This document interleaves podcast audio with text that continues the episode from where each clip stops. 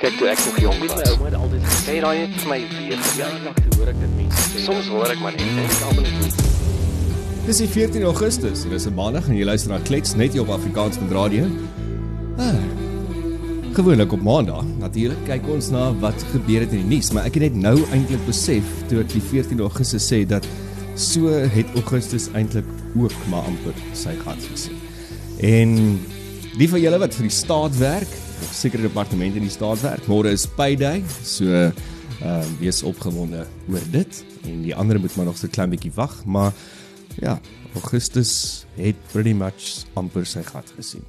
Ek vlieg vandag so 'n klein bietjie solo ehm uh, met wat gebeur het in die nuus, maar daarom nie heeltemal nie. Bietjie later gesels ek met Klinus Breitenberg en dan ook met Dr Piet Kroukamp. Hoofsaaklik oor die grootste nuus gebeur in my opinie verlede week was natuurlik die vrylating van Zuma. Maar 'n paar ander goedjies wat ook gebeur het, is gisteraand het ons 'n nuwe mevrou Suid-Afrika gekry.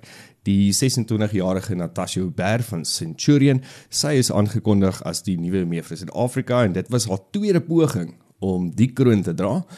In 2020 het sy die derde plek verower, maar sy is nou amptelik die mevrou Suid-Afrika en ek het nou mooi gekyk vanoggend na die kroon. Ek weet verlede week het ek gesê dit lyk 'n bietjie soos 'n 'n grid van 'n van 'n Mercedes Benz. Uh, ek sien dit nog steeds, maar daar's so 'n goue baobab of krematartboom nou daarop. So ja, maybe is dit nie te lelik nie. Maar Natasha, doen nou ietsie ordentliks vir ons as meer vir Suid-Afrika en maak Suid-Afrika great weer.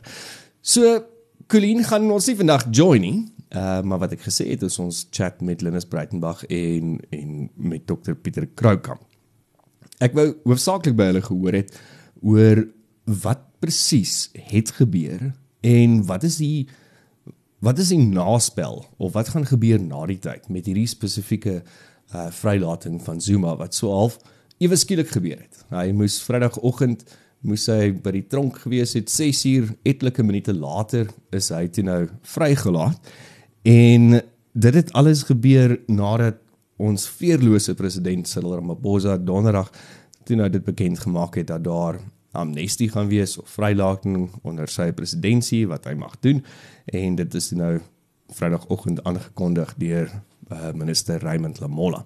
So ek het eers gaan uitvind by Piet om te hoor hoe dit gaan. Ek het met hulle albei aparte onderhoude gehad en jy gaan so deur die loop van die tyd gaan jy albei van hulle se stemme hoor. Maar eers het ek by Piet gaan uitvind oor wat wat gaan hier aan en en wat het hier gebeur. Kom ons luister. Ehm um, kyk ek ek dink die ANC en die president het uh dit nog altyd goed gedink dat hy liewers nooit tronk toe gaan. Ek dink die punt is gemaak wat hulle betref polities. Uh hy's uh in die hof vir uh, belangrike uh uh vermoedelike misdrywe. Hy was skuldig bevind as dit ware by implikasie deur die die die die die ehm um, deur die grondwet hof uh vir uh, die feit dat hy uh, nie verskyn het vir die sonnekommissie soos wat hy gesê is hy moet doen nie. Uh en ek dink altyd hulle wou altyd 'n politieke skikking hê.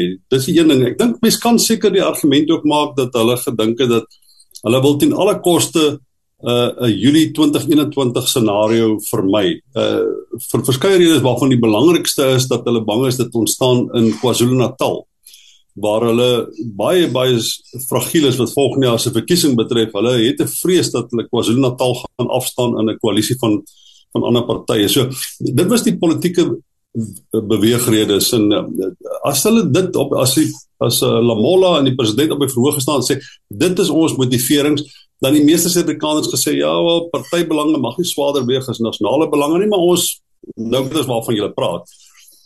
Maar toe hulle doen dit op die manier wat hulle dit gedoen het skep dit die indruk hulle dink ons is almal idioote uh om vir ons te vertel die tronk is vol en dit is nou tyd vir 'n algemene amnestie wat toevallig saamval met uh die dag waarop uh Zuma moet tronk toe gaan dink hulle ons is breinloos ons het een breinsel waarmee ons ons oog knip op uh, dit is my dit is altyd my groot vrees dat politici begin reageer asof ons idioote is en hulle kom daarmee weg. Ek gee nie om as jy my soos 'n idioot bestuur en jy kom nie daarmee weg nie.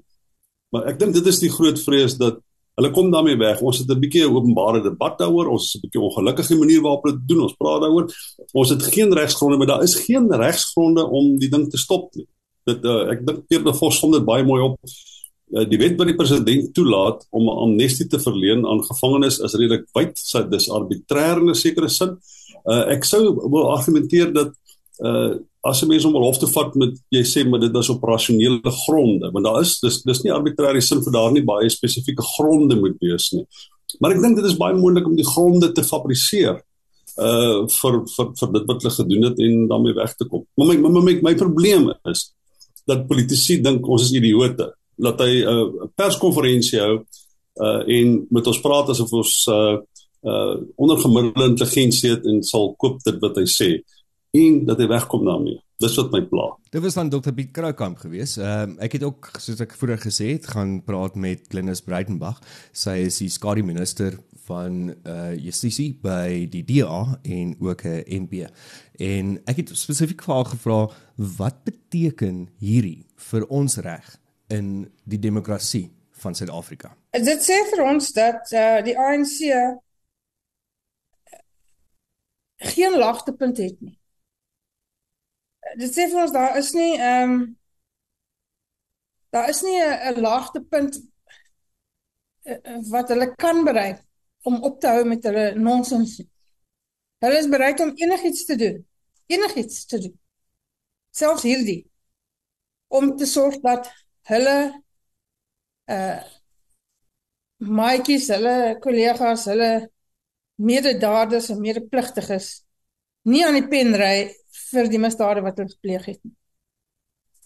En hierdie is nie oornag uitgedink nie. Hierdie is 'n hierdie is 'n ingewikkelde onderduimse slu uitgedinkte proses om die strafregstelsel te manipuleer om een man vry te laat. Die effek daarvan gaan wees nie dat Zuma vryloop nie. Ek het nie so 'n groot probleem daarmee in beginsel nie. Hy's 'n ou man, Hy was gearresteer, hy het tronk toe gegaan, die regsleer werk, die stelsel werk. As hulle 'n ander manier sou wou gevind het om hom oor 'n dag of 'n week of 'n maand later vry te laat, uh as sy gesondheidstoestand dit vereis, geen haan sou daarna gekraai het. Maar hierdie is 'n is 'n slie onderduimse onderhandse manipulasie van 'n stelsel wat veronderstel is vir elke Suid-Afrikaner te te werk. As ons luister na wat sê Glenis Breitenberg, dan klink dit asof hierdie vrylating van Zuma baie goed beplan is, haar fyn beplan is. So dink behoort noodwendig baie tyd te vat, maar miskien het dit agter toe deure gebeur en dalk het dit nie. Die vraag wat ek aan Piet Kroukamp gestel het, was Zuma was onlangs in Rusland. Hy het gegaan vir mediese redes of vir mediese hulp teruggekom en sy woordvoerder het gesê hy's blakend gesond. Maar was daar moontlik druk van Rusland gewees om hierdie spesifieke beweging nou uit te voer net voor BRICS en was daar nie dalk maar Putin wat in Cyril se oor gefluister het en gesê het doen nou eerder hierdie nie. Kom ons hoor wat sê hy. Daar's geen evidence, daar's geen bewyse daarvoor nie. Ek dink nie Zuma die tipe van traksie wat nodig is in Rusland nie. Hy het byvoorbeeld nie vir vir Vladimir Putin of enige belangrike minister sover ek uh, weet wat hy gesien het daar nie ek uh, nee wat ek ek dink dit is 'n ding wat wat wat my plaas Lamola en Ramaphosa bymekaar gekom in die Unie geboue gesê hoe bestuur ons hierdie ding? En Ramaphosa het saam met sy minister en wat hulle gedoen het is hulle het 'n regsmening gekry van wat is hulle opsies. Nou hulle kry 'n regsmening oor wat hulle opsies is om uit die ding uit te kom. Nie om die ding te bestuur nie nie in 'n poging om sê wat is die regte ding om te doen nie, maar dit is wat hulle moet vir hulle self vra. Uh ons sit met hierdie politieke kwessie, wat is die regte ding om te doen? Kom ons kry 'n regsmening wat ons toelaat om die regte ding te doen. Maar dis nie waaroor hulle regsmening kry nie. Hulle kry soos wat hulle uh, 'n regsmening gekry het met Putin se veronderstelde besoek aan Suid-Afrika, het hulle nie 'n regsmening gekry oor wat is die regte ding om te doen nie. Hulle kry 'n regsmening om te kyk hoe kan hulle uit die ding uitkom. So as ons nou praat van regsmenings, is dit seker belangrik om te verstaan wat is die proses? Hoe werk dit? En wat kan gebeur? En wat moes gebeur het? En dis presies wat ek gevra het vir advokaat Linus Breitenberg. Ja, kyk, dis binne die president se diskresie om so 'n uh, 'n vrylating van tyd tot tyd uh, toe te laat. Hy kondig so so 'n proklamasie af en dan gebeur dit. Al die presidente doen dit byvoorbeeld hulle uh, hulle amp opneem uh, om bietjie gunste te probeer verkry, uh, laat hulle klomp uh, prisionere los. Uh, hier kort voor 'n verkiesing is dit gewoonlik ook hulle gebruik om dit te doen want al daai mense gaan dan natuurlik vir hulle stem. So um, hulle misbruik dit eintlik maar dit is binne sy diskresie om dit te doen, maar dit is nie dit is nie dat hy een oggend kan wakker word en sy post toasties eet en dink dit's nou 'n blink plan om mense te laat vrylaat. Hy moet dit sorgvuldig oorweeg, hy moet al die faktore opweeg. Dit moet 'n rasionele beslissing wees, 'n rasionele besluit gebaseer op feite. En as dit nie so is nie, dan is dit vatbaar vir hersiening. So hierdie proses En dink jy hulle dat hulle beweer hierdie is so proses het in April begin. Uh, Ek glo dit nie vir een oomblik nie. Hierdie proses het begin toe Zuma sy toe hulle hulle uh, aansoek in die in die uh, grondwetlike hof verloor het. Toe, toe moes hulle 'n plan beraam. Toe ons het gevra vir daai dokumente, uh, uh, dit is natuurlik nie moeilik om 'n dokument te- terug te dateer nie. Ehm um, maar ons het nou gevra vir daai dokumente, ons wil dit graag sien, ons wil die proses bestudeer, ons wil kyk wat se faktore hy oorweeg het, ons het 'n klomp vrae gestel. En as ons daai antwoorde nou kry, dan gaan ons nou 'n beslissing moet neem of ons die ding op hersiening wil neem of nie, maar waarskynlik sal ons. Van die politieke partye sê dat hulle ondersteun hierdie besluit. Natuurlik die DA sê hulle gaan onder hersiening neem, so ook die Vryheidsfront Plus en AfriForum. Is hierdie moontlik 'n PR moment wat die oppositiepartye kan gebruik? En is daar nog waarde en hoe kan hulle dit gebruik tot aanloop van die verkiesing? Kom ons hoor wat sê Piet Kroukamp. gebruik hierdie ding as 'n voorbeeld van opportunisme en 'n wanonwending van die staat uh se skaars bronne uh terwyl van die ANC en hulle voormalige president gebruik dit gebruik die energie om dit uit te wys.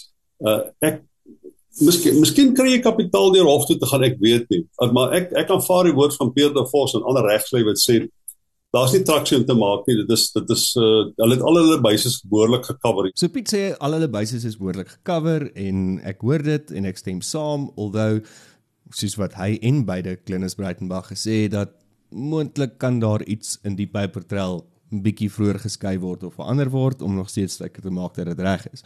Maar die ANC doen nooit iets sonder 'n baie goeie rede nie.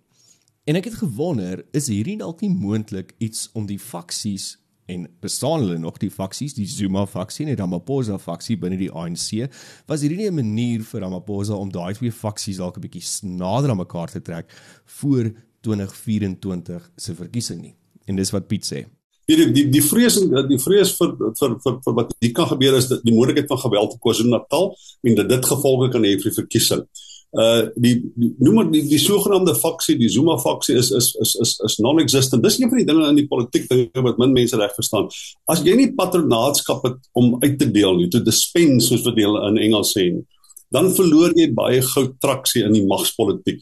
Hy het nie meer traksie in magspolitiek. Daar is verseker nog 'n paar tradisionele leiers wat hom seker sal ondersteun. En daar is verseker nog individue binne in die ANC, soos ek dink die die die die uh, ANC leiers binne in die provinsie sal nog op 'n of ander manier probeer kapitaal maak deur hom terwille te wees. Maar da jy kan nie meer 'n verkiesing op grond van hom wen nie. Hy het nie meer beduidende steunbasis nie. Jy moet onthou die laaste paar verkiesings al het hy uh, met gereelde uh, met uh, reëlmaat het in Kandla, daar was sy sy homestead soos hulle sê.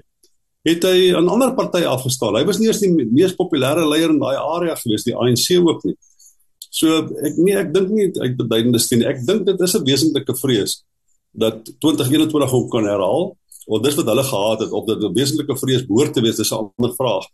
Maar hulle daai vrees gehad en veral in aanloop na 2024 die ANC gesê ons kan dit nie bekostig nie. Nie in KwaZulu-Natal nie, net soos min as wat ons in Gauteng kan bekostig want dis die twee provinsies wat te vrees dat hulle kan verloor in 2024. So dalk was dit presies dit gewees en dalk is dit ook moontlik omdat die tronke omtrent op 150% oorbevolk is. 50% meer mense daarin is is wat daar moet wees. Daar is ook verder beweer dat by die spesifieke tronk in Escort waar uh, oud president Zuma toe nou moes aangemeld het Vrydagoggend wel 3 beddens beskikbaar was en hy is toe nou nie opgeneem in daai 3 beddens nie. So miskien is dit maar nog steeds die ANC wat altyd 'n uh, plannetjie het. En die keer se plannetjie het die kwytskalding gesê dat oortreders van lae risiko. So Zuma is apparently dan nou iemand met lae risiko. Ek betwyfel dit as ons kyk na die afgelope paar jaar, maar kom ons hoor wat sê Klinus Breitenberg. Uh presies, ek sal ons sal moet kyk wat het uh, uh meneer Ramaphosa oorweeg as 'n lae risiko uh, gevangene ons sal ons het net daai goed aangevra. Maar ek sal moet ons sal moet kyk wat het hy oorweeg. Dit sal nogal interessant wees om te sien wat het hy oorweeg. Want ek dink nie uh, meneer Ramaphosa ken 'n lae risiko gevangene al sit op sy skoot. So volgens die staatskoerant is lae risiko gevalle nie mense soos die volgende en ek dink die volgende mense sal Cyril nie noodwendig wil hê met op sy skoot sit nie. Dit is byvoorbeeld iemand wat beskuldig word van seksuele misdade, moord, poging tot moord, misdaad teen die staat, hoogverraad, sabotasie en terrorisme, um, en die wat verder geklassifiseer word as gevaarlike misdadigers. Maar die probleem is is dat lae risiko word verskriklik wyd gegooi en glad nie verder verduidelik nie. Natuurlik, jy kan jy kan dit maak wat jy wil. Uh kyk, daar sal 'n 'n vreeslike herrie wees as hulle 'n klomp uh, moordenaars laat loop. Hulle het nou sopas drie van hulle laat loop wat wat almal weet baie kwaad gemaak het. Ehm um, maar uh as hulle klomp moordenaars na na 'n paar maande die tronk laat loop, sal sal die, die publiek sal in opstand kom. As hulle 'n klomp uh witboortjie misdadigers uh jy weet hulle ou maatjies ek nie noodwendig geweld gewelddoeners nie, hulle maar gewoonlik net diewe. Al is dit op 'n verskriklike skaal. Ehm um, so jy weet dis dit dit wys vir my wat hulle beplanning is vir die toekoms. Dit wys vir my hulle het hulle hand gespeel. Dis hulle kaart en ek sal my oortuig dat dit nie so is nie. Uh, hulle gaan hulle gaan hulle posisie misbruik om seker te maak dat hulle ou maatjies nie in die krak sit nie. Daar kan ek met 'n answer. Mazeltov. Die een ding wat ons wel weet van die ANC is dat boeties vir baantjies, hulle kyk altyd mooi na hulle self en mooi na die mense om hulle. En dit maak dit baie moeilik om die ANC en die regering te skei. Dis eintlik onmoontlik in Suid-Afrika om te sê dit is ons regering en hierdie is die politieke party, die ANC. Dis onmoontlik. Ja, dis dis onmoontlik. Dis dis die nadeel van die ANC vir 30 jaar het hulle baie spesifieke prosesse deur swart bemagtiging, kaderontplooiing, regstellende aksie het hulle gebruik om die staat as dit ware te beset. Die ANC is die staat. En nou wanneer dinge so 'n bietjie ontrafel, is daai nabye assosiasie uh skep nou 'n probleem want wanneer die polisie ingestuur word om en die polisie raak gewelddadig word dit met die ANC ook geassieer wanneer die weermag ingestuur word om die belange van die staat te beskerm, word dit geassieer met die staat of met die ANC wat geweld gebruik as 'n manier om die omstandighede, die armoede, die verval wat hulle voor verantwoordelik is, weer onder beheer ook te bring. Hulle is hulle is in 'n baie baie tight spot wat dit betref, ja. So miskien is die ANC nou in die tight spot en ek dink ons almal sien dit in die media. Maar dalk is hierdie tight spot hulle guldige geleentheid om 'n bietjie meer van die beheer oor te gee en ehm um, dalk moontlik in koalisies in te gaan.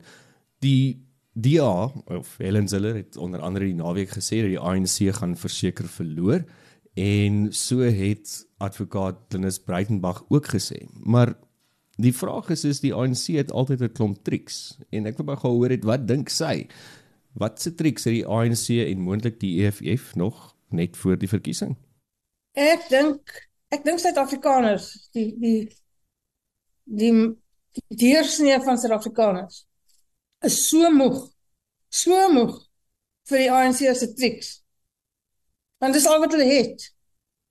Hulle het geen uh 'n plan wat werk nie.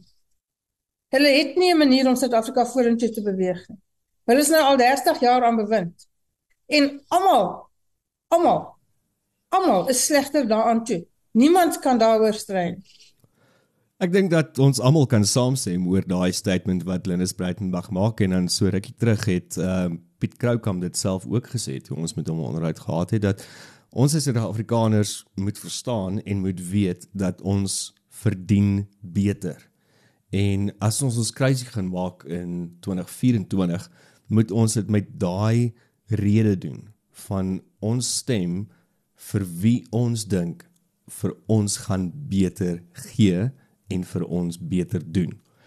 Glenys Breitenberg natuurlik het al 'n paar keer gesê sy sal nooit in haar lewe wil president wees nie. Maar ek was stout genoeg om haar te vra dat indien sy wel president sou gewees het of moes gewees het, wat sou sy doen? Kom ons hoor wat sê sy. Dis baie is dis 'n moeilike vraag en ek wil nie die president wees nie. Ek dink geen president van enige land het 'n lewe nie en en ek dink uh dis 'n ja, dit is 'n skrikkelike werk. Uh ek onthou toe uh, president Kgalema Motlanthe president geword het, het ek vir hom gevra ek het 'n geleentheid gehad om met hom te vertel van gevra hoe hoe is dit vir hom om nou president te wees? En hy het gesê dis nie baie lekker nie, maar indien ek president sou moes wees, sou ek die die baie goeie voorbeeld volg uh van die Weskaap en Kaapstad. Want daardie ehm um, daardie planne, daardie policies, daardie manier van regeer werk.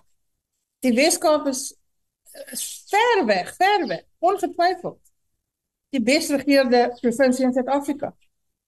Uh as ek as ek Kaapstad vergelyk met Pretoria waar ek bly of Johannesburg waar ek lank gebly het, is daar geen vergelyking nie.